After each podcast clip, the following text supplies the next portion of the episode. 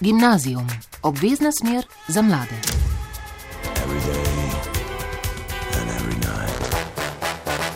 Tudi leto 2022 ne prizanaša. Najprej koronavirus, potem vojna v Ukrajini, bo pa to leto, če ne drugega, pestro tudi na slovenskem političnem parketu zaradi volitev.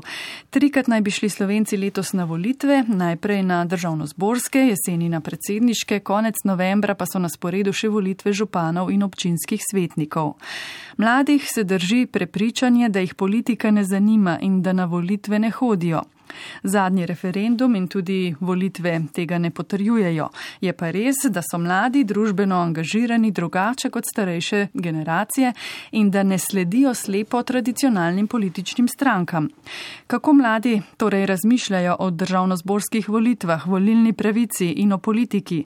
To bomo izvedeli v tokratni oddaji, v kateri smo skupaj z njimi raziskovali tudi, kakšen volilni sistem imamo sploh v Sloveniji, kdo lahko kandidira za poslanca, kaj je delo državne volilne komisije, kako se razdelijo poslanski mandati in ali smo v Sloveniji imeli več rednih ali izrednih državnozborskih volitev. Da bi izvedeli več, smo skupaj z mladimi pred mikrofon povabili dva sogovornika, ki naš volilni sistem zelo dobro poznata. Njuna pojasnila bodo dopolnjevala naš pogovor v studiu. Gospod Dušan Vučko, direktor Državne volilne komisije, ali je Slovenija država, kjer prevladujejo redne ali predčasne državno-zborske volitve? V zadnjih letih se skoraj dozdeva, da imamo več predčasnih, ne? ampak mislim, da smo mi imeli predčasne 2011, potem smo imeli 2014 in 2018. Ostale so bile redne, jaz mislim, da se tudi v tem pogledu vračamo na normalna pota. Živijo, moje ime je Tinkara, stara sem 19 let in zaključujem četrti letnik gimnazije Bežigrad.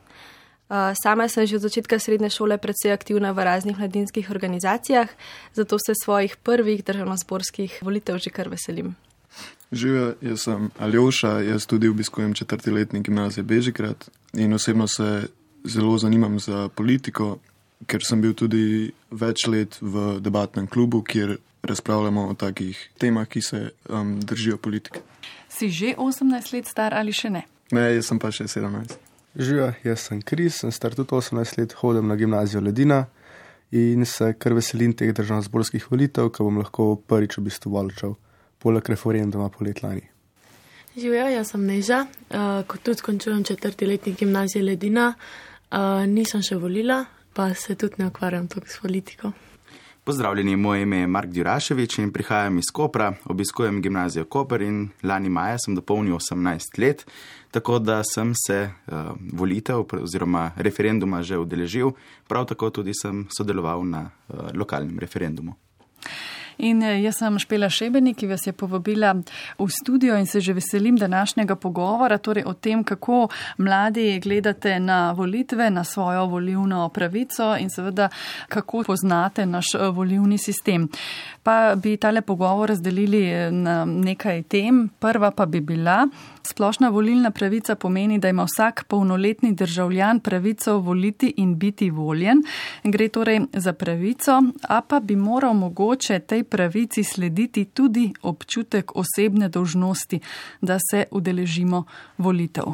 Mark. Jaz mislim, da ja. Zato, ker je pravica, v bistvu pravica nam je bila podarjena z ustavo in če naše pravice ne izkoristimo, potem pravica nekako nima več nekega smisla. Tako da je hkrati tudi neka dolžnost. Sam tudi menim, da če mislimo, da lahko delujemo boljše in uh, ustvarjamo boljši svet, potem je tudi prav, da sodelujemo. Aljoša, kako ti pričakuješ, da boš postal polnoleten in boš dobil volivno pravico?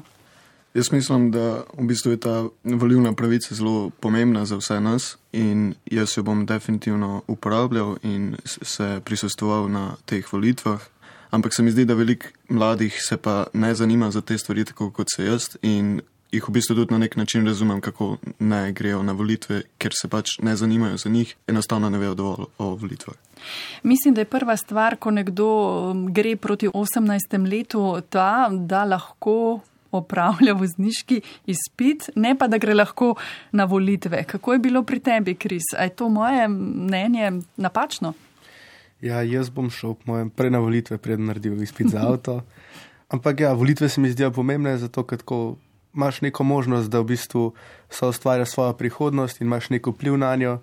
In veliko si reče, kaj pa moj glas šteje, in pa za tega ne grejo volt, ampak če bi vsaka to reče šel volt in volil bi se nek, nekaj, ki ga zanima, se pozanimal malo, bi se dal kakšne stvari zelo spremeniti. Torej, ti ne pristajaš na ta izgovor, saj en glas ne šteje, saj nimam izbire, koga pa sploh voliti. Ne, definitivno ne, ker je veliko velik možnosti, je, ker jih sploh ne poznamo in če se vsak vsaj malo pozanima, uh, bo najdel svojo pravo odločitev. Tinkara, tudi ti torej najbrž ne pristajaš na take izgovore? Uh, ne, vsekakor ne. Um, jaz mislim, da pride z pravico, volilno pravico tudi dožnost do tega, da se pozanimamo o teh stvarih in da smo aktivno upeti v dogajanje okoli nas. Na vse zadnje pa kot eno od dveh ženskih predstavnic tukaj še posebej cenim to svojo volilno pravico, saj smo se v zgodovini ženske zelo borile za to, da smo jo sploh dobile. In jo seveda dobile kasneje kot moški, ne? Tako je. Neža volilna pravica ti jo imaš, si že 18 let stara, um, je to zate le pravica, ki jo lahko izkoristiš, lahko pa ne, ali imaš občutek tudi neke dolžnosti? Uh, jaz imam definitivno občutek dolžnosti zaradi staršev, ki so me tako vzgajali, tako da bom definitivno šla vol, se bom primerno izobrazila glede tega.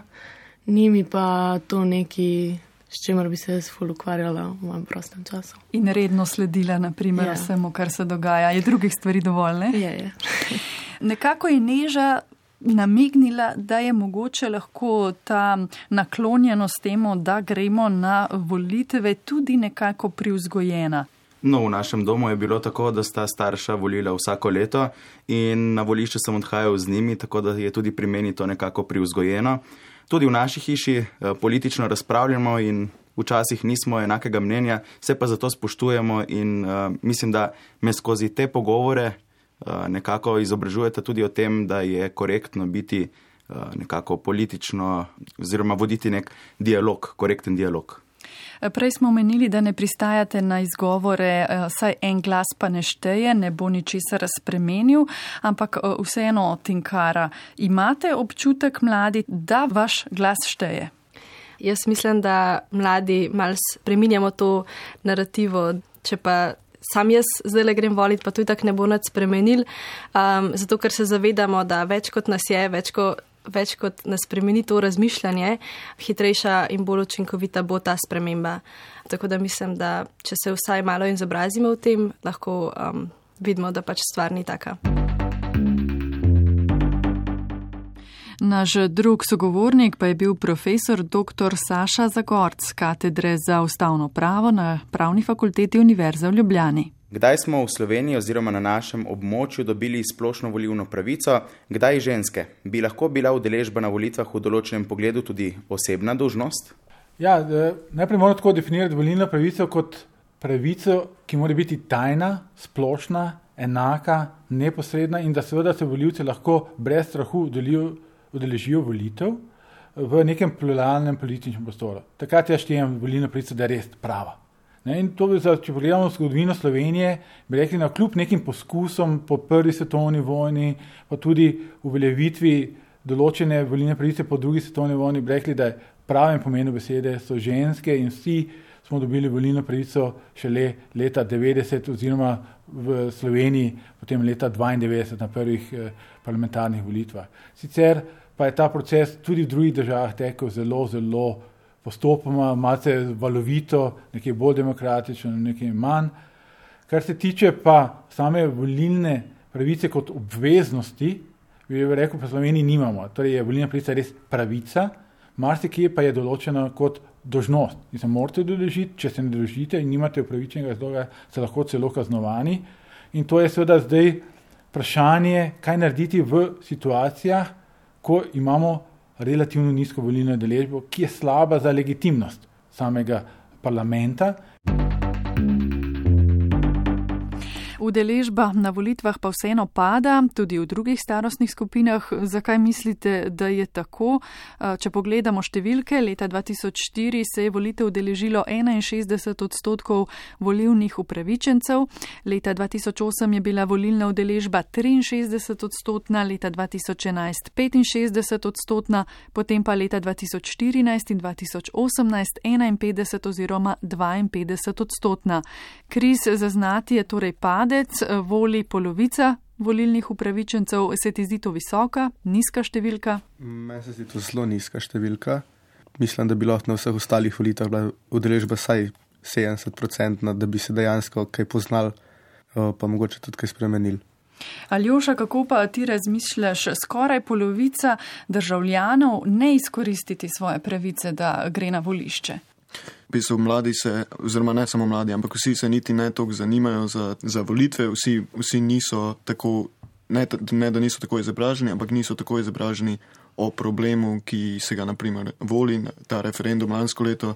Bilo je zelo veliko oglasov, pa zelo veliko teh kampanj, da, da je bila v bistvu taka volilna prisotnost, kar v bistvu pomeni, da z takimi učinkovitimi pa čez celo Slovenijo velikimi kampanjami v bistvu lahko nekako dosežemo višjo volilno prisotnost. Neža, kako ti gledaš na to številko? Zdi se mi fulniska številka in bilo bi veliko bolj, če bi tudi eh, mladim prilagodili te teme, ker se mi zdi, da tudi veliko ljudi se noče o tem pogovarjati, ker se jim zdi, da ne vejo dost. Eh, Mark, eh, kako ti gledaš na vso zadevo, bi lahko bila volilna udeležba višja, kaj bi morali mogoče za to narediti? Najprej bi mogoče lahko res izobrazili ljudi o tem in jim povedali, zakaj se sploh gre, ker marsikdo te teme pač ne spremlja, ker smo različni ljudje in spremljamo različne teme. Zatem pa je krivda tudi v politiki, ki veliko obljublja, malo pa stori in s tem izgublja voljivce in ljudje si potem pa res mislijo, zakaj bi šli na volitve, če ne moremo nič spremeniti. Tako je tudi recimo nerodno pri našem volilnem sistemu, da je na koncu pač vlado dobi koalicija, se pravi, gre za dogovarjanje med uh, dovolj velikimi uh, strankami, ki so, oziroma ki so dobile dovolj uh, velik procent glasov. Zakaj udeležba na državno-zborskih volitvah pada? Gotovo ni v redu, da imamo tako nizko volilno udeležbo. Razlogov je spet več. Jaz bi rekel, da je najpomembnejše nekaj vrste razočaranje nad eh, demokratičnim procesom v parlamentu, da voljivci ne zaupajo političnim strankam, kar pomeni, da polisi sistem ni dober ali pa ne izberemo pravih ljudi. In zaradi tega se tudi potem voljivci ne gredo na volitve, ker eh, tudi nimajo, nimajo občutka, da lahko karkoli vplivajo. Vidi se, da ima pretirano moč, imajo politične stranke v kandidacijskem postopku in kasneje tudi v parlamentu da ta oblika odgovornosti političnih strank, ki je pomemben element demokracije, je nekako zatrta. Eh, naši poslanci in politiki ne prevzemajo odgovornosti, jo želijo prenesti na vse druge, sami pa nikoli niso zakaj krivi. To je škoda. Drugi vidik je tudi, da kar nekaj slovencev živi v tujini, kar pomeni določeno dodatno breme za to, da glasujejo in mogoče tudi nimamo te tradicije. Ne? Mogoče smo se malce prehitro zadovoljili s tem krepenjenjem, ko vemo, da je na referendumu leta 90 bila udeležba 90 odstotna, zdaj pa imamo, komaj izberemo 50 odstotkov na evropskih volitvah, pa toliko manj. Jaz sem sicer deloma optimist, kajti mlade generacije v tem trenutku so mnogo bolj ozaveščene o pomenu svojega glasu, čeprav je to majhen kamenček v mozaiku, se tega zaveda, da je to smiselno narediti, kajti če ne greste, ste se pač zavestno odločili, da bodo na mesto vas drugi odločili, in potem verjetno tudi je manj oportuno, da zgolj jamrate, če niste izkoristili tiste možnosti, ki vam jo pravzaprav nudi volilni sistem. Direktor državne volilne komisije, gospod Dušan Vučko. Mladim se dela velika škoda, veste. Mladi premalo participirajo na volitvah. To ni res. Mladi, glede na to, koliko so stari, zelo dobro participirajo. A veste, kje skupina mene skrbi? Tisti, ki bi morali biti cvet naše države. To so stari od 30 do 45 let. Ti manj participirajo kot, kot mladi. To pa je vprašanje ne za DVK, za sociologe, za tiste, ki se s tem ukvarjajo. Na dan volitev bom samo osebno v tujini, Kako predlagate, da lahko vsi tisti, ki se volitev tisti dan ne bomo mogli udeležiti zaradi razlogov tujine, da lahko volimo? Kakšne so te opcije, ki jih poznamo? Zakon omogoča, da tisti, ki bodo, zdaj moramo ločiti, ali greste vi začasno v tujino. To ni mišljeno samo te, ki potujejo na vikend na krk. To so mišljeni tudi študenti na izmenjavah, ki tam dalj časa živijo. Pravzaprav zakonodajalci je imel teh v mislih. Potem imamo pa tako imenovane izseljence, to so pa tisti, ki stalno živijo, ki se izselijo iz Slovenije. Tem vsem pošljem po uradni dožnosti volilno gradivo. So v posebnem volilnem meniku in dobijo pošto. Lahko grejo pa tudi na diplomatsko-konzularno predstavništvo, brez da koga obvestijo. Za te primere, kot so pa zdaj, da je reč za mlade študente na izmenjavah, in bi tam lepo, lepo obvestil preko e-uprave vlogo, da sem začasno v tujini, napišem, kje stanujem, in potem služba DVK izda volilno karto, pripravi gradivo in pošle v Španijo, zdaj sva pa tam. Če španski eh, poštar se ti zdan preveč bole, pa nekaj imel, kakšno fešto, pa ga ni prinesel, ne moramo. Zdaj DVK je sprejela stališče, da bomo zdaj dal za te začasne izključno z sledilno številko, tako da je po pošti ali na diplomatsko-konzularnem predstavništvu, kar je manj tveganja, če ste blizu DKP-ja, di diplomatskega predstavništva. Ampak morate vedeti, da imamo samo 31 volišč, v Avstriji imamo dva, ampak ne vem, v Španiji jih točno, ki imamo, mislim, da je ne me zdaj, ampak Madrid. No? Ampak zdaj, če so v Barceloni, za naš pelo v Madrid, mislim, da daleč je. Kako bodo lahko na dan volitev glasovali tisti, ki so v samoizolaciji? Kar se tiče oseb v izolaciji, zaenkrat velja, da bodo lahko glasovali po pošti, v skladu z zakonom. Spet bo pa mogel vsak volilec, ki je v izolaciji, priložiti potrdilo, dokazilo, da je v izolaciji. Ne kar tako. DVK je sprejela sklep, da bo najkasneje 25 dni pred dnevom glasovanja, to se pravi najkasneje do 29. marca, bomo še določili morebitne druge oblike. Najbolj aktualna je glasovanje na domu, če je v izolaciji, ampak spet pod pogojem, da je dokazilo. Ne zato, ker se mu ne da na volišče. Ne, ne, ne. ne, ne. Imate možnost še predčasno glasovanje, imate zlasti za mlade, je bilo uveden tako imenovana omnija volišča, da se en prekmurski študira v Ljubljani, ni mu treba domov voziti. Gimnazijum, obvezna smer za mlade.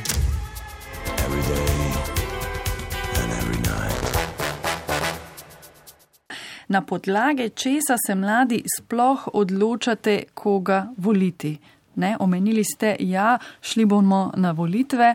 Kaj vas prepriča, čemu sledite, Tinkara? Uh, jaz mislim, da velika večina mojih poznanstv um, ima ta politična prepričanja nekako sidrana vse iz vzgoja svojih staršev, torej sledijo nekim uh, načelom svojih staršev in svoje družine. Uh, vseeno pa se jaz sama ravnam po političnih programih strank, ki jih pač pred volitvami preverim. Res prebereš? Njihove programe. Ja, in to mislim, da bi mogel storiti vsak, da se pač res prepriča, dvojno preveri svoje informacije. Aljoša, si tudi ti takega mnenja, da so politične preference nekako podedovane, kot je namignila Tinkara? Na tej točki bi se pa jaz mogoče ne strinjam s Tinkaro, ker v bistvu moja starša imata nekako neko politično prepričanje in potem sem si ga pa jaz nekako na drugačen način pridobil, v bistvu z spremljanjem na socialnih medijih, z kritičnim razmišljanjem, z tem debatnim klubom in sem v bistvu se srečeval z velikimi problemi in nekako konc koncev svoje mnenje oblikoval pri temu. In imamo tudi doma v bistvu večkrat določene debate o teh problemih. Naprimer, smo imeli zadnjič neko debato o tej ukrajinski vojni in se mi zdi, da jaz pa osebno dobivam večino svojih informacij z socialnih medijev, z novic, tudi z kakšnih drugih platform, kjer si nekako svoje mnenje na tak način oblikujem. Si pri tem eh, spremljanju novic na družabnih omrežjih in drugih eh, spletnih novičarskih portalih eh, tudi kritičen, gledaš več različnih spletnih strani, prepoznaš bolj senzacionalne ali pa celo lažne novice?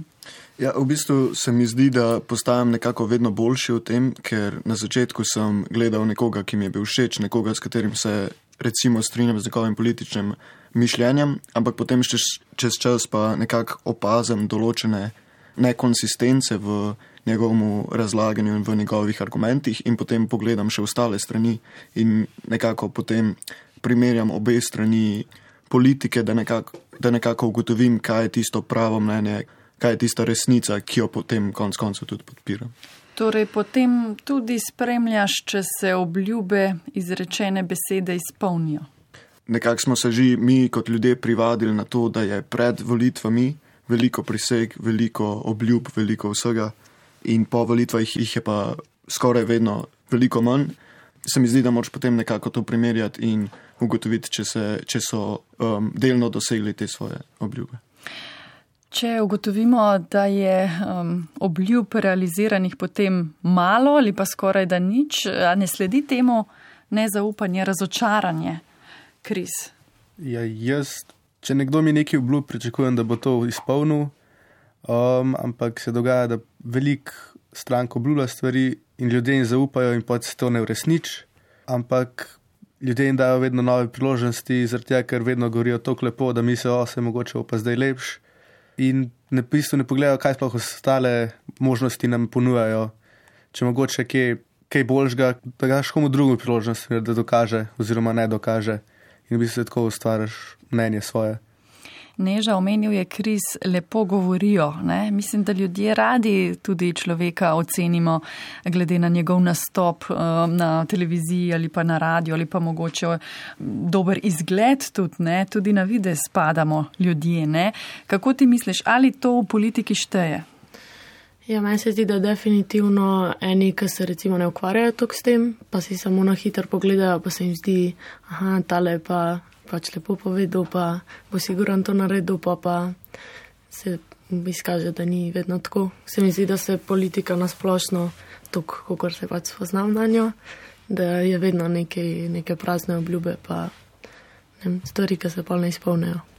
Mark, kaj na te naredi vtis, na podlagi česa se mladi torej odločate, komu pa verjeti, da bodo besede obljube izpolnjene? Ja, novemu obrazu kar tako ne gre verjeti, zato je treba prebrati njegov program. Stare stranke so tudi svoje delo naredile, pa jih lahko ocenjujemo po starem delu, je zato nekoliko lažje, medtem ko novim strankam je nekoliko teže zaupati. Verjeti moramo nekako tudi v program. Uh, in se pri tem pa v bistvu tudi zavedati, da uh, program v celoti definitivno ne bo uh, izpopolnjen. Pa ti tudi prebereš uh, programe strank ali se raje odločaš na to, kako nekdo nastopa na soočenjih, kaj objavlja na družabnih omrežjih. To tudi ne, nekateri so zelo dobri retoriki ali pa znajo povedati tako, da se ti osebno strinjaš s tistim mnenjem. Gotovo je vse to, kar si špele naštela, pomembno. Ker lahko določimo, kako se nekdo vede na socialnem, družbenem omrežju in kako deluje v realnosti. Pomembno je tudi, da si dober retorik, ker vseeno, če si predstavnik nekega naroda, se moraš z drugimi narodi vesti temu primirno in tudi vesti svojemu položaju primirno. Je pa treba tudi začrtati oziroma zarezati v vsebino in prebrati to, kar načrtuješ. Ta vsebina me zanima. Tinkara, do katerih tem misliš ali pa vprašanje bi se morali po tvoje kandidati nekako izreči? Katere teme se tebi zdijo tako pomembne, da bi morala vedeti pred svojo odločitvijo, koga boš volila, kakšno je njihovo stališče pri teh temah? Ja, glede na to, da sem mlada, uh, me definitivno zdaj zanima, um, kako se bodo um, stranke soočile s problematiko mladih, kot je stanovanska problematika in recimo problematika na področju iskanja služb, obenem pa tudi vse, kar je trenutno aktualno v svetu, kako se zna stranka soočiti s pomembnimi tematikami, kot je recimo okoljska problematika in tako dalje. Kris, katere teme se tebi zdijo pomembne, da bo še posebej pozoren, kaj bodo kandidati za poslance imeli povedati na te teme? Ja, jaz se strinjam, sem kaj povedati in kara. Um, mogoče tudi šolstvo, sistem, ki ga imamo zdaj, je včasih se pokaže, da je malo zastarel, bi se ga dalo obnoviti oziroma spremeniti uh, splet kakšnimi drugimi oblikami šolstva. In tukaj se mi zdi, da je še velik prostor za napredek. Neža. Ja, mogoče tudi zdaj s to koronsko krizo, ki se država za, kako se reče, Zadolžila, kaj? Zadolžila, ja. Kako se bo, ker bomo to konc koncev mi morali odplačevati, a ne mladi, kako se bojo tudi s tem spopadali, pa mislim prihodnost, a ne nasplošno v Sloveniji, ker verjamem, veliko mladih bi radi ostalo v Sloveniji. Torej tudi beg možganov, gospodarska ja. rast in razvoj v prihodnosti. Ja. Mark? Jaz bi k vsemu naštetemu dodal še eh, mogoče javni potniški promet. V Sloveniji imamo kar precejšnje težave s tem, pa tudi eh, svoboda medijev eh, in kritično novinarstvo, ki je nekako v zadnjem času eh, tarča različnih političnih vplivov in eh, komentarjev. Eh, Sicer pa je tukaj treba še dodati, da eh, bi bilo potrebno pogledati tudi naše zdravstvo. Eh, V teh pandemičnih časih so na dan privreli različni problemi, pa tudi mogoče pokojninska reforma, se bomo tudi sami nekoč upokojenci in ali bo sploh sistem še takšen čez 30, 40, 50 let, ko bomo mi na tem mestu. In kaj bo z vašimi plačami, ki bodo morale prispevati v pokojninsko ne, blagajno za vse um, tiste, ki so že upokojeni? Torej, kar nekaj tem, vi se tega zavedate, a pa ste vi izjema med mladimi, da vas te teme zanimajo, Mark?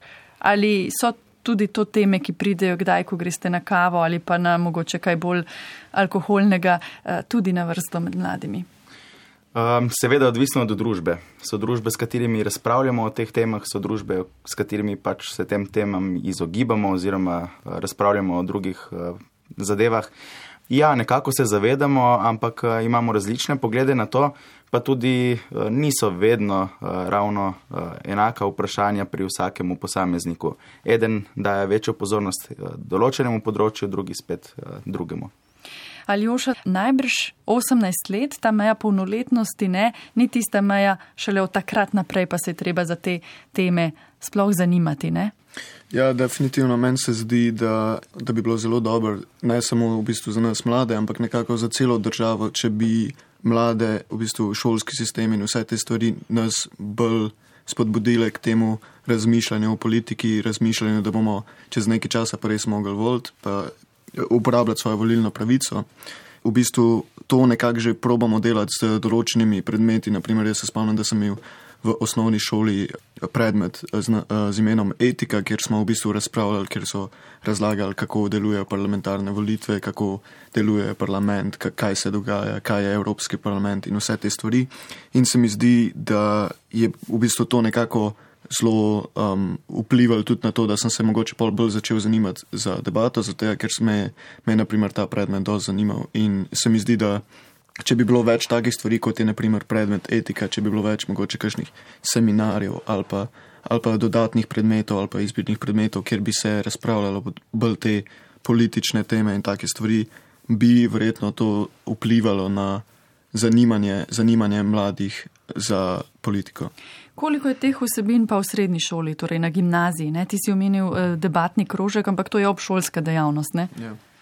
ja, v bistvu se mi pa zdi, da jih pa je mogoče celo manj kot v osnovni šoli, ker vsem smo imeli ta predmet v osnovni šoli, tukaj pa nekako takega predmeta ni, ampak se mi pa vsem zdi, da znotraj teh osnovnih predmetov, naprimer zgodovina, uh, psihologija, um, Sociologija, ne? sociologija filo, filozofija, nekako razpravljamo tudi o teh problemih, še posebej pri um, zgodovini. Se mi zdi, da vsakeč, ko pridemo do kakšnega takega problema, do kakšne take um, dogodka v preteklosti, se mi zdi, da nekako tudi malo nam poskuša naša profesorica pokazati obe, političi, obe politični strani in pa, pa podobne stvari. Gimnazijum, obvezna smer za mlade.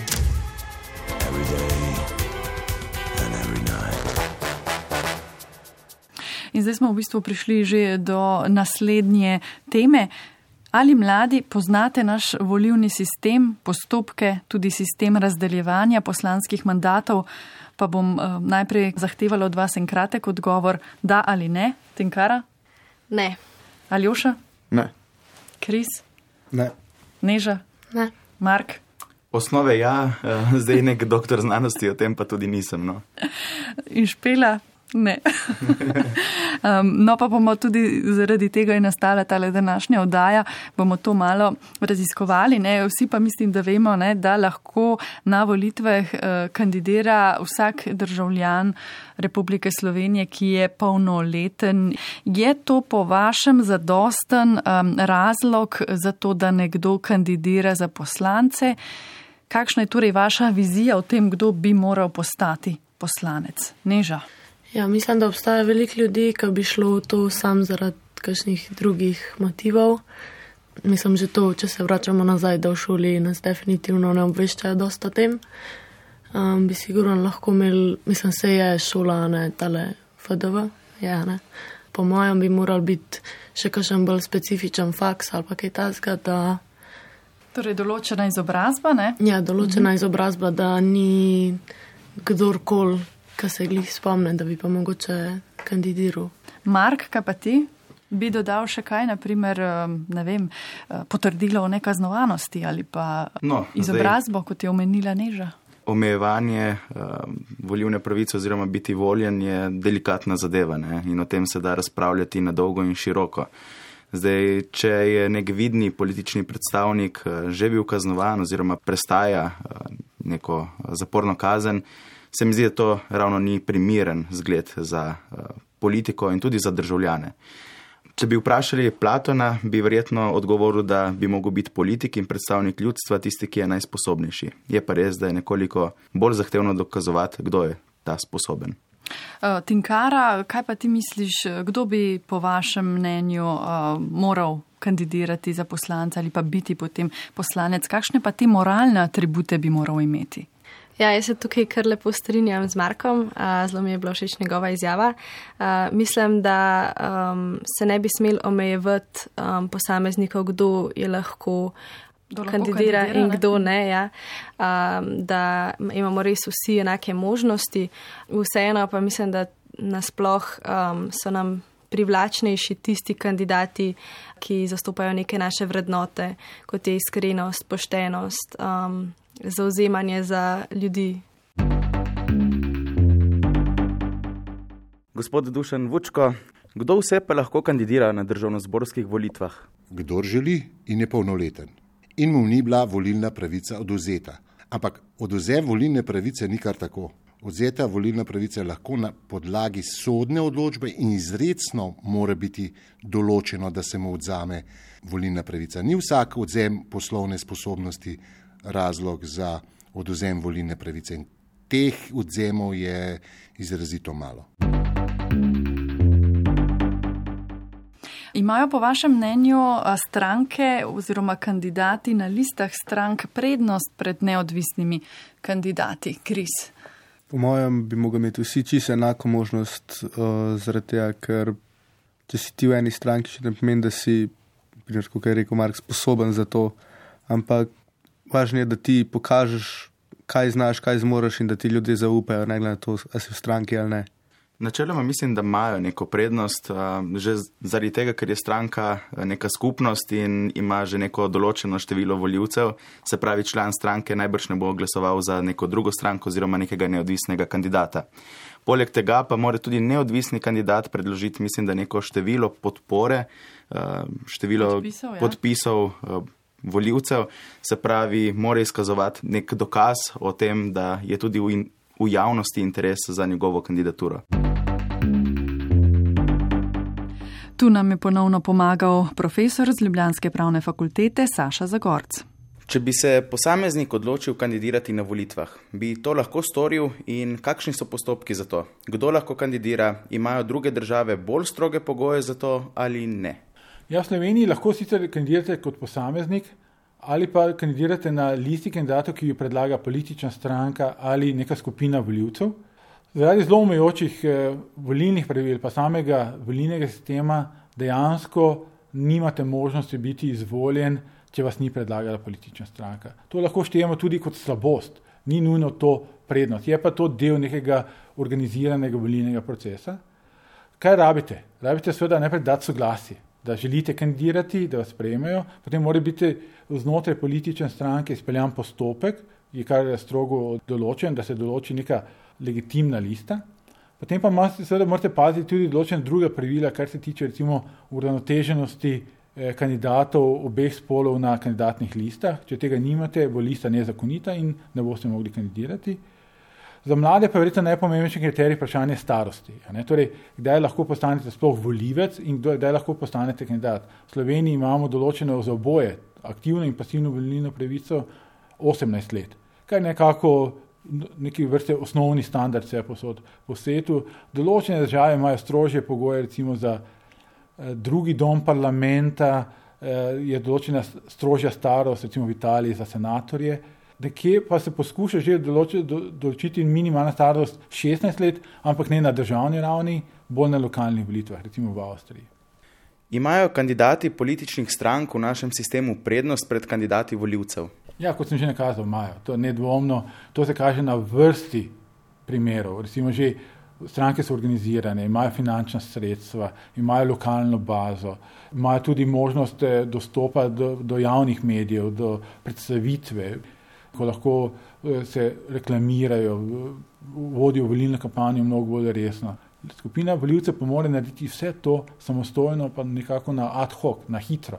In seveda to pomeni, da je še tudi iz tega razloga kandidiranje preko političnih strank najbolj realna možnost, da boste izvoljeni. Kakšna pa je uh, vloga volilnih enot in okrajev? Vsaka volilna komisija je samostojen volilni organ in ima točno določene pristojne zakonom. Na, zdaj, če gremo gledati volilno komisijo volilne enote, je tista, ki zdaj recimo pri volitvah državni zbor nosi pomembno odgovornost, to se pravi, da vodi kandidacijski postopek ali pa povejmo drugače, da preverja zakonitost vloženih list kandidatov. Medtem ko je kandidacijski postopek za volitve predsednika republike, Evropski parlament pa vodi državna volilna komisija. Moje osebno mnenje je seveda, da bo prišel čas, ko bomo tudi to predstavili na DVK, na državno volilno komisijo, ker se mi zdi, da bi bilo bolj ustrezno, ker zdaj se morajo te liste kandidatov ulagati na osem lokacij, pa gre za isto politično stranko. Skratka, malo je neracionalno. Kaj pa recimo preverjajo pri um, listi kandidatov? Sej, najbolj temeljna naloga je, ali je bila lista kandidatov vložena z zakonom. Enostavno pravilo je, politična stranka more določiti listo kandidatov v skladu z njihovimi pravili in s tajnim glasovanjem. Ne zato, ker se je predsednik ene stranke odločil, ta bo pa kandidat. To morajo oni imeti njihova pravila urejena. Delno skrbi tudi Ministrstvo za notranje zadeve, ki je pristojno za registracijo in bi moralo na takšne določbe statutov biti zelo pozorni. Seveda volilna komisija pregleda tudi, ali imajo vsi kandidati volilno pravico, potem se odpravijo morebitne formalne napake, kot ne vem, se zatipka kaj ali pa ne vem. Nekdo je znan v kraju kot Anton Vučko, v bistvu je pa registrirano ime Tone Vučko, ne vem pa se to more popraviti, pa zmeniti, kaj je zdaj, ker se lahko tudi na volitvah uporablja tako imenovano splošno znano ime. Kako pa je glede kvot? Govorimo o spolnih kvotah, o enakomerni zastopanosti spolov. Zdaj velja najmanj 35 odstotkov kandidatov, mora biti nasprotnega spola. In tisto, kar veliko krat pozabljajo, če kandidat nastopa v dveh okrajih, ni pol ženska in pol moški. Ne, ne, od dejanskega števila.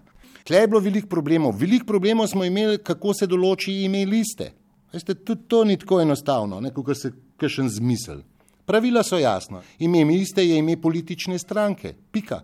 Ko ste se registrirali, tako boste na glasovnici.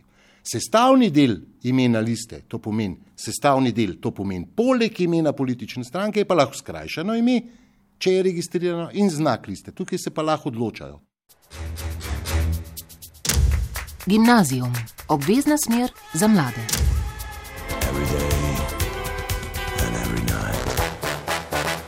Na vsakih volitvah se dogajajo tudi nepravilnosti. O tem je direktorja Državne volilne komisije. Ta institucija namreč skrbi za zakonitost volitev in enotno uporabo določb volilnih zakonov, povprašal študent prava Urban Lečnik Spajič. nobene volitve v Evropi in v Sloveniji se še niso dogovorile brez manjših težav. Približno 19 tisoč ljudi bo delalo na volilnih odborov. Seveda prihaja do kakšne napake, ampak te napake v bistvu ne vplivajo na volilni zid, vedno se pa odpravljajo sproti. Doskrat se zgodi, recimo, da se volilec v volilni imenik ne, upiše pod drug vrstico. In zdaj volilni odbor ni tam, da poj razglablja, ali je res bil že en voljivc prej, pa ste le podpisal, niti iz podpisa ni mogoče to ugotoviti. Dejstvo je, da ste takmu voljivcu, ki naslednjem pride, ne dovoli glasovanje, zato ker je to pač dvojno glasovanje. Ampak teh primerjev je izredno malo. A veste, imeli smo kakšne večje napake, še posebej, ko smo uveljavljali dosledno načelo, da mora vsako volišče biti invalidom dostopno. Ne? A veste, to na enih vaseh si to malo tako po domače razložijo, ne?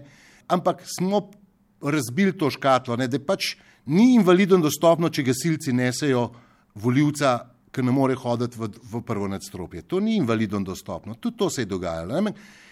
Ostalo pa, kaj bistvenega ne, no, sej, a veste, potem pa se veste, nekdo ni dobil obvestila, kje je njegovo volišče. Veste, DVK ne, nima vpliva na poštne storitve.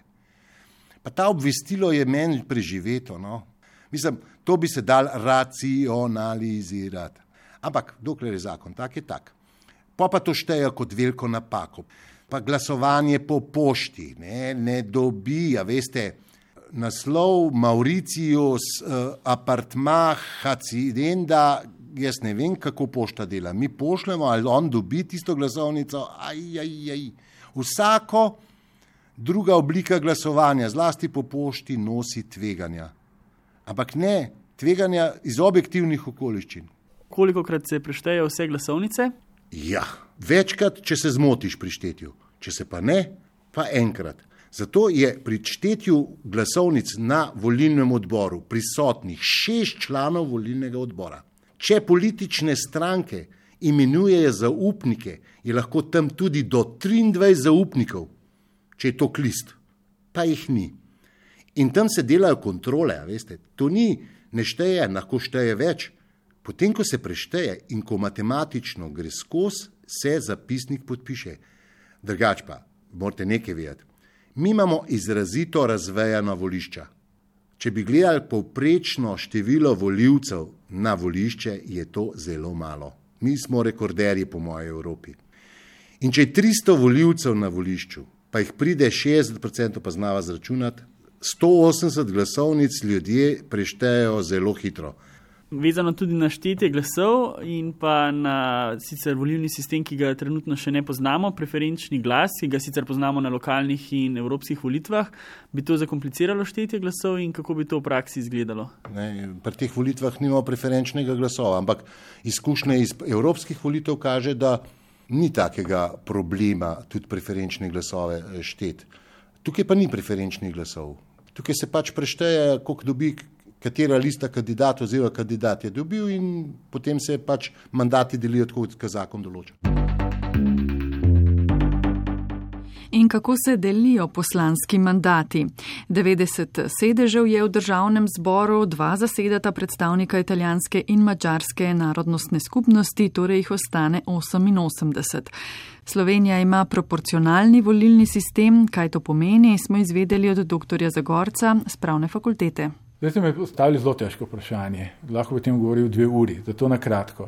V osnovi, kar se tiče delitve mandatov po političnih strankah oziroma listah kandidatov, je zgodba dokaj enostavna. Imamo tako imenovani čisti proporcionalni volilni sistem, ki je dopolnjen z dvema ustavnima zahtevama. Ena je 4-odstotni volilni prak, kar praktično pomeni, katera koli stranka ali lista kandidatov, ki ni dosegla 4 odstotkov na ravni države, ne more dobiti poslanskega mandata. Delitev potem med preostalimi listami, ki so še v igri, je torej po čistem proporcionalnem sistemu, rečemo, imenujemo ga Dontu sistem po belgijskem pravniku in matematiku. Gre za sistem, ki se da zelo hitro računalniško ugotoviti, sicer morate na roko malo več računati, morate nekaj ustvariti, neke sezname števil delitelji in potem pogledate pač 88 največjih teh števil in na ta način gotovite, katera lista je dobila določen število mandatov. To je lažji del zgodbe. Težji del zgodbe je zaradi našega sistema povezan s tem, kateri posamezniki, kandidati bodo izvoljeni v parlament. Tukaj imamo, zelo na kratko bom povedal, dva nivoja delitve mandatov. En je na ravni volilne enote, kjer se upravlja en poseben drupov količnik in koliko krat je stranka dosegla drupov količnik v tej volilni enoti, toliko mandatov bo dobila v tej volilni enoti. Težava je seveda, ker vemo, da ne bomo dosegli vseh mandatov že na ravni volilnih enot, moramo to dopolniti na državni ravni, takrat se pa res začne zelo zahteven proces, lahko vam povem, da poteka v devetih korakih. Eh, računalniško se da to 1, 2, 3, ker je algoritem zadaj. Če bi na roko delali, pa predlagam, da si kar vzamete nekaj pomerjeval in morate biti zelo natančni, da ne boste naredili napake. Je torej slovenski volivni sistem najbolj pravičen sistem? Volilni sistemi, kakršni koli so, nikoli ne more biti idealni. Vprašanje pravičnosti je lahko zelo re, relativno. Prvič, volilni sistem je vedno del širše zgodbe nekega političnega sistema, zgodovine, nekih travm, slabih izkušenj, prehodov iz, iz nekaterih bolj avtoritarnih sistemov v novejše. Tako da bi težko rekli, tudi že ta klasična delitev na večinske volilne sisteme in proporcionalne volilne sisteme kaže, da imamo lahko ene in druge rešitve. Gre za to, da kakršen koli volilni sistem je jasno, da se bodo stranke in kandidati njemu prilagodili in poskušali znotraj njega maksimizirati svoje prednosti. Eh, poanta je, da poskušamo biti čim bolj transparentni, da seveda tudi nekaterimi drugimi ukrepi potem želimo ustvariti pozitivno politično okolje, da vsakdo lahko prosto kandidira in da seveda privabimo sposobne, nadarjene posameznike tudi iz mlajših vrst. Ne, nekako, če opazimo, v Sloveniji smo izrazito nagnjeni, da kandidirajo in so izvoljeni kandidati, ki so že gotovo starejši od 40 ali pa 50 let. Kaj je to preferenčni glas in zakaj ga na naših državno-zborskih volitvah ne poznamo? Preferenčni glas je ena od oblik, kako seveda omogočiti večjo personalizacijo volje voljivcev, ki se potem odseva v končni izbiri kandidatov. Preferenčni glas pomeni, da vi znotraj liste kandidatov lahko izberete enega kandidata, ki vam najbolj ustreza in mu daste podporo.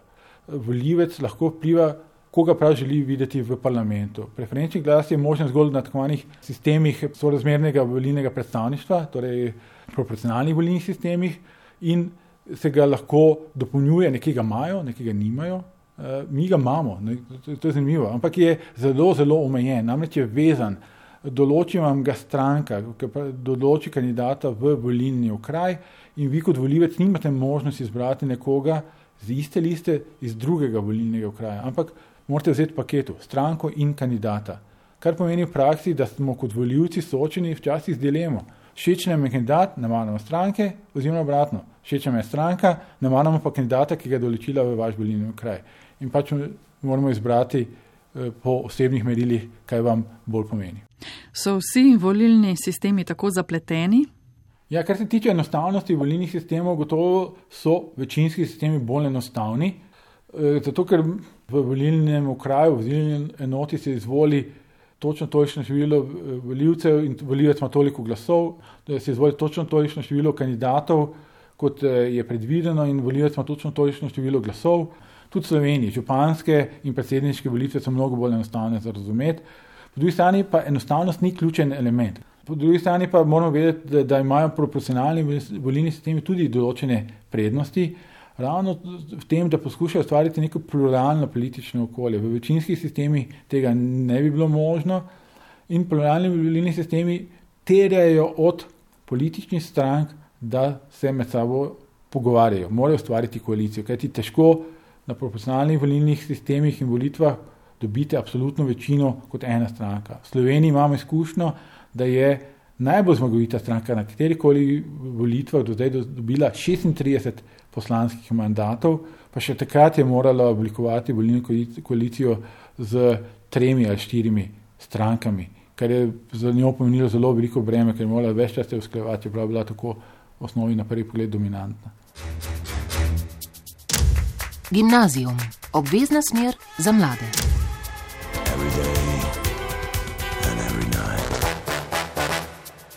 Zdaj, ko smo spoznali naš volilni sistem, lahko eh, z našimi mladimi gosti, Tinkaro, Nežo, Ljošo, Markom in Krisom, nadaljujemo debato.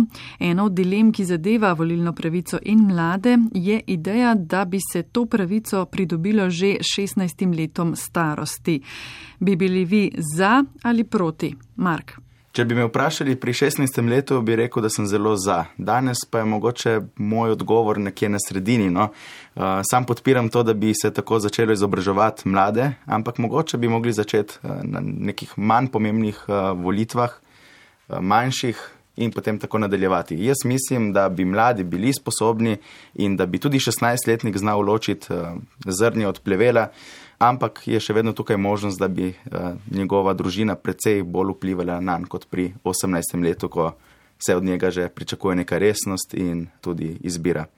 Neža? Uh, jaz bi bila za, če bi bilo dovolj govora o tem v šolah, Če pa ne bi bili o tem izobraženi, se mi pa zdi brez pomena. Pač brez pomena. Danes, ki je zdaj ta stopnja izobrazbe v šolah, bi to A že dovoljevali ali, ši, ne, ali še ne? Ne, proti. Ker še kakšni 18-letniki niso dosto tem.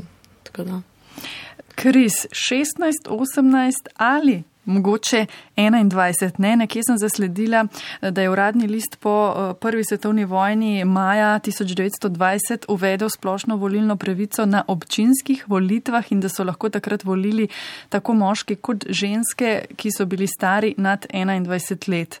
To je bila v bistvu prva splošna volilna pravica, ki je pa potem sicer zelo hitro bila ukinjena, no, ampak ta starost, ne vemo, v ZDA lahko naročiš alkohol, šele če si tudi toliko star, ne? kje misliš, da je eh, ta meja? Jaz mislim, da kar se današnjih dni tiče, je 18 čisto v redu meja. Prihodnosti, če bi se pač delali na boljšem informiranju mladih o politiki, pa vsem, bi se pa lahko meja spustila že na 16, ker že preseb sem videl, da ker sem bil star 16, me ni glih toliko zelo zanimala politika. Pa pa, ker sem v bistvu odraščal, sem se vedno bolj sem bil samostojen um, in sem vedno bolj se tudi sam začel o tem zanimati, pol si lažje stvaraš svoje mnenje. Začel si se bolj zanimati, ali to pomeni, da si prebiral bolj dnevni časopis ali pa portale z dnevnimi vsebinami, si bolj uh, prebiral strankarske uh, glasila ali pa spletne strani, um, si na družbenih omrežjih bolj sledil tem temam, kateri so te tvoji viri informacij. Um, v bistvu smo se tudi uh, s prijatelji začeli več o tem pogovarjati, pa mediji več ali manj. Novice, kaj se dogaja, me je začelo zanimati, ker, ker sem bil mlajši, sem pač bil tukaj, da se zabavam, zdaj pa je treba tudi kaj vedeti, kaj se po svetu dogaja, pa v Sloveniji. Omenil si prijatelje, vrstnike, kaj pa starši se, kaj pogovarjate o aktualnih temah, naprimer o vojni v Ukrajini, o ukrepih eh, proti koronavirusu pred časom in podobnih stvarih, ali je to bolj tema za uh, med prijatelje? Uh, ne, smo se pogovarjali tudi starši, velikrat med kosilom, ker druge se ne vidimo tako zelo in pa se čas tudi kakšna kosila zavlekla, ker smo se pogovarjali o plusih pa minusih, kakšnih ukrepih zdaj med korono, pa zdaj tudi o vojni v Ukrajini. Aljoša 16, 18, pa tista še 21. No, kaj meniš ti? Jaz bi se pa mogoče malo ponovno ne strinjal z ostalimi in se mi zdi, da bi bila v bistvu 16 najboljša starost za začetek, da dobiš to volilno pravico. In sicer se mi zdi, da je v bistvu tukaj več razlogov. Kot prvo se mi zdi, da kot 16-letnik imaš že nekako dovolj razvit um, dovolj razvite možgane, da, kot je rekel Mark, da ločiš zrne od od plevela.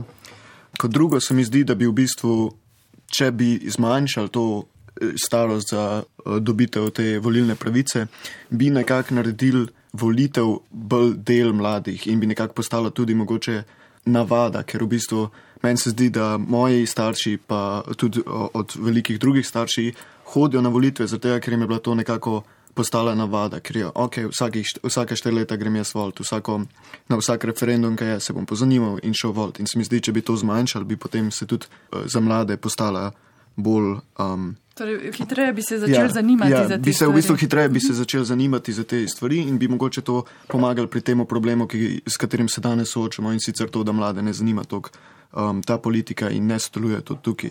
Potem se mi pa zdi, da je tukaj še tretji razlog in sicer to, da ko si ti enkrat 16-17 let star, se mi zdi, da bi že mogel so odločati pri teh um, odločitvah, referendumi pa te volitve že nekako vplivajo na te, v smislu tega, da boš postal kmalo odrasel in bojo imele te volitve na te vpliv.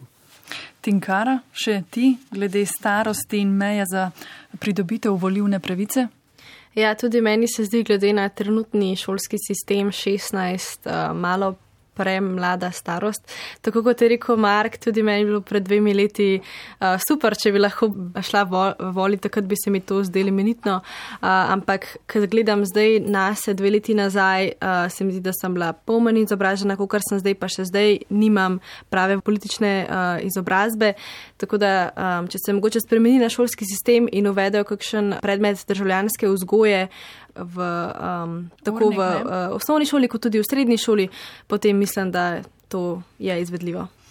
In ta radijska volivna komisija je ugotovila, da Aljoša ni zmagal na teh internih volitvah, torej nekako je bilo več glasov za 18 let, to malo zašalo zdaj le.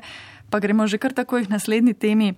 E ali I volitve? Ste za mislite, da bi izboljšale, povečale volivno udeležbo? Pa najprej, Mark, kaj so e-volitve, kaj so i-volitve? Ja, kot so me nedavno poučili, naj bi e-volitve uh, izražile to, kar že zdaj poznajo v Estoniji in tudi ZDA, torej volivne naprave, ki v bistvu same um, pregledujejo, uh, kaj je oseba na volišču obkrožila. Uh, e-volitve pa naj bi bile volitve, ki bi omogočile, da bi lahko volivec Eh, glasoval tudi od doma, eh, se pravi preko spletne platforme, aplikacije morda tudi, in bi nam omogočal eh, volitve v bistvu kjerkoli, neodvisno od naše mobilnosti. Torej, da ali ne, Mark, še to mnenje tvoje osebno. No, eh, pri tem mnenju bom spet nekoliko zadržan eh, in bi rekel, da bi se spodobilo, če bi to postavili v neko testno okolje, se pravi začenši z eh, nekimi lokalnimi volitvami ali pa referendumskimi vprašanji in kasneje tudi državno-zborskimi, predsedniškimi.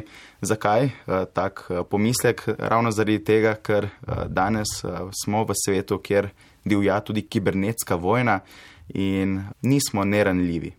Tinkara, Misliš, da bi um, e-volitve, elektronske volitve povišale volilno udeležbo, bi bila ti za? Uh, ja, uh, meni se zdi ideja super, tako da bom rekla da, ampak dopušča možnost, da uh, glede na Markove predpostavke, da se motim.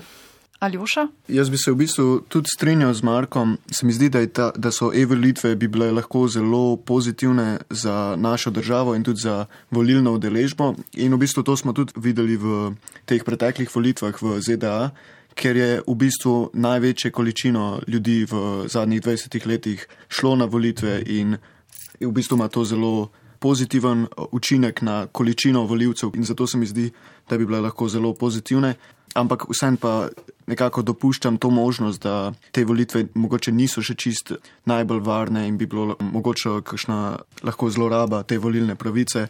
Seveda je mogoče zato ta Markov predlog, da bi nekako testirali na referendumu ali pa na kakšnih lokalnih volitvah, se mi zdi zelo smiseln. Eh, Kris, kaj pa ti, če bi naprimer lahko volili od doma, se ti zdi, da bi potem več ljudi volilo ali pa od kodarkoli druge, ne, da ne bi bil obisk volišča ta pogoj, eh, bi bil ti torej za te druge alternativne oblike volilne udeležbe? Udeležba je bila malo večja, ne pa zelo pretirano večja, ker se kljub temu, da je bilo lažje, se vse ljudje ne zanimajo tako zelo, da bi peč izkoristili tudi to možnost. Naprimer, Lansko poletje smo se s taborniki iz Bovca pelali v Tulmin samo zato, da smo šli na eh, referendum, tako da tisti, ki bo hotel iti volt, bo šel volt, ne glede na to, kje je. Ali pa um, kako, ne? Ali pa kako, ja. Te elektronske volitve se pa ta tehnika tok napreduje, da je zelo velika verjetnost, da bi kdo zlorabil svojo moč, uh, oziroma znanje in bi tako vplival na razplet volitev, ker pa če so normalne volitve, krožiš listek in se pa to prešteje, je zelo težje. Neža še ti? Mogoče se motim, ampak meni se zdi, da to, da ostaneš pa se odpraviš na volilno mesto, da je mal bolj resno, kot da vzameš telefon pa nekaj odklukaš. Ker se mi zdi, da mladi že tako ali tako se ne izobrazijo dosti in kakšni grejo tako voliti sam, da grejo, ne, kar tudi nima nekega polful pomena oziroma neke spremembe. Gimnazijum, obvezna smer za mlade.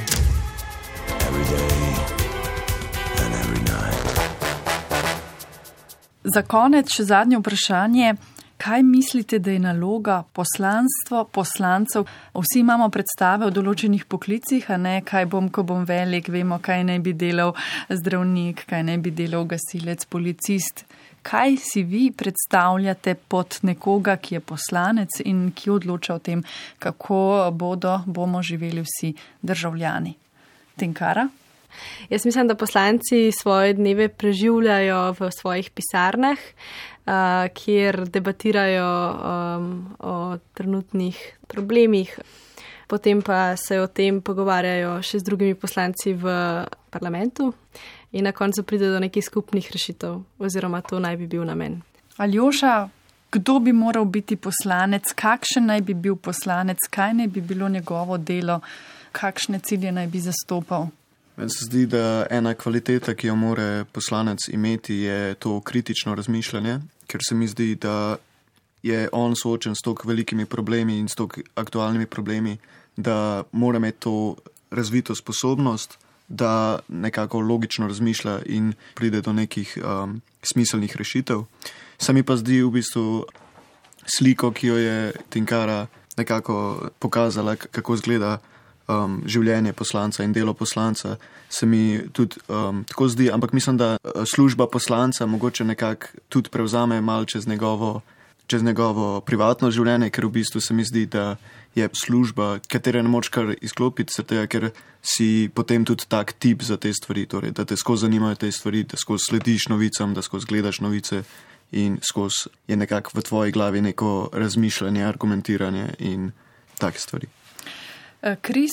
Poslanc mora delati v dobro države, tudi če včasih to pomeni, da ni neki dober za njega. In to velikrat se pokaže, da se ne zgodi, zato ker ljudje smo velikrat preveč egoistični, sam nas mislimo in naprimer, niso včasih dovolj odprti ljudje za nove ideje, predloge, ki bi bile lahko dobri. In zaradi tega, ker si naprimer v eni stranki imaš neko ideologijo, pa nekdo drug predstavlja neko dobro idejo, je ne podpreš zaradi tega, ker nasprotna stranka oziroma nisi nekje druge izga mnenja kot karon in v bistvu zaradi tega se pa tudi nikamor ne pride včasih, ker so ljudje zagrizni v eno stvar in no, noben noče popustiti. Neža, kako ti gledaš na to biti poslanec, poslanka? Kaj naj bi to pomenilo? Ja, Kris mi je vzel besede iz jezika praktično. Uh, se mi zdi to taka častna služba, ki bi moral, de, moral delati v dobro države ampak se mi zdi, da v realnosti po kakšnih Instagram objavah, da v bistvu ni tako. Ja, se mi zdi, da je tukaj veliko um, egoističnih težanj, da je vedno še nekaj zraven, da ni sam za dobro države, ampak tudi malo za vsega posebej. Mark, še ti? Poslanec je predstavnik ljudstva in državni zbor je pravzaprav odsev uh, interesov naše družbe. Zato naj bi bil poslanec uh, človek, ki je človek integritete, ki predstavlja ljudi in dela za dobro ljudi in države, uh, hkrati se zaveda svoje odgovornosti in jo tudi sprejema. In je tudi človek kulture, to pomeni, da se zna kulturno vesti, kulturno komunicirati z drugimi in da je tudi državnotvoren. Piko bomo postavili tukaj, ker je Mark tako dobro povedal, se strinjate. tako hvala vsem za tale pogovor in za vaša razmišljanja. Torej, Tinkara, Ljoša, Kris, Neža, Mark so oblikovali tole odajo. Prijeten večer želiva vam tudi Miha Klemenčič in Špela Šebenik. Hvala še enkrat pa vam mladim. Srečno. Srečno. Srečno. Gimnazijum, obvezna smer za mlade. Every day.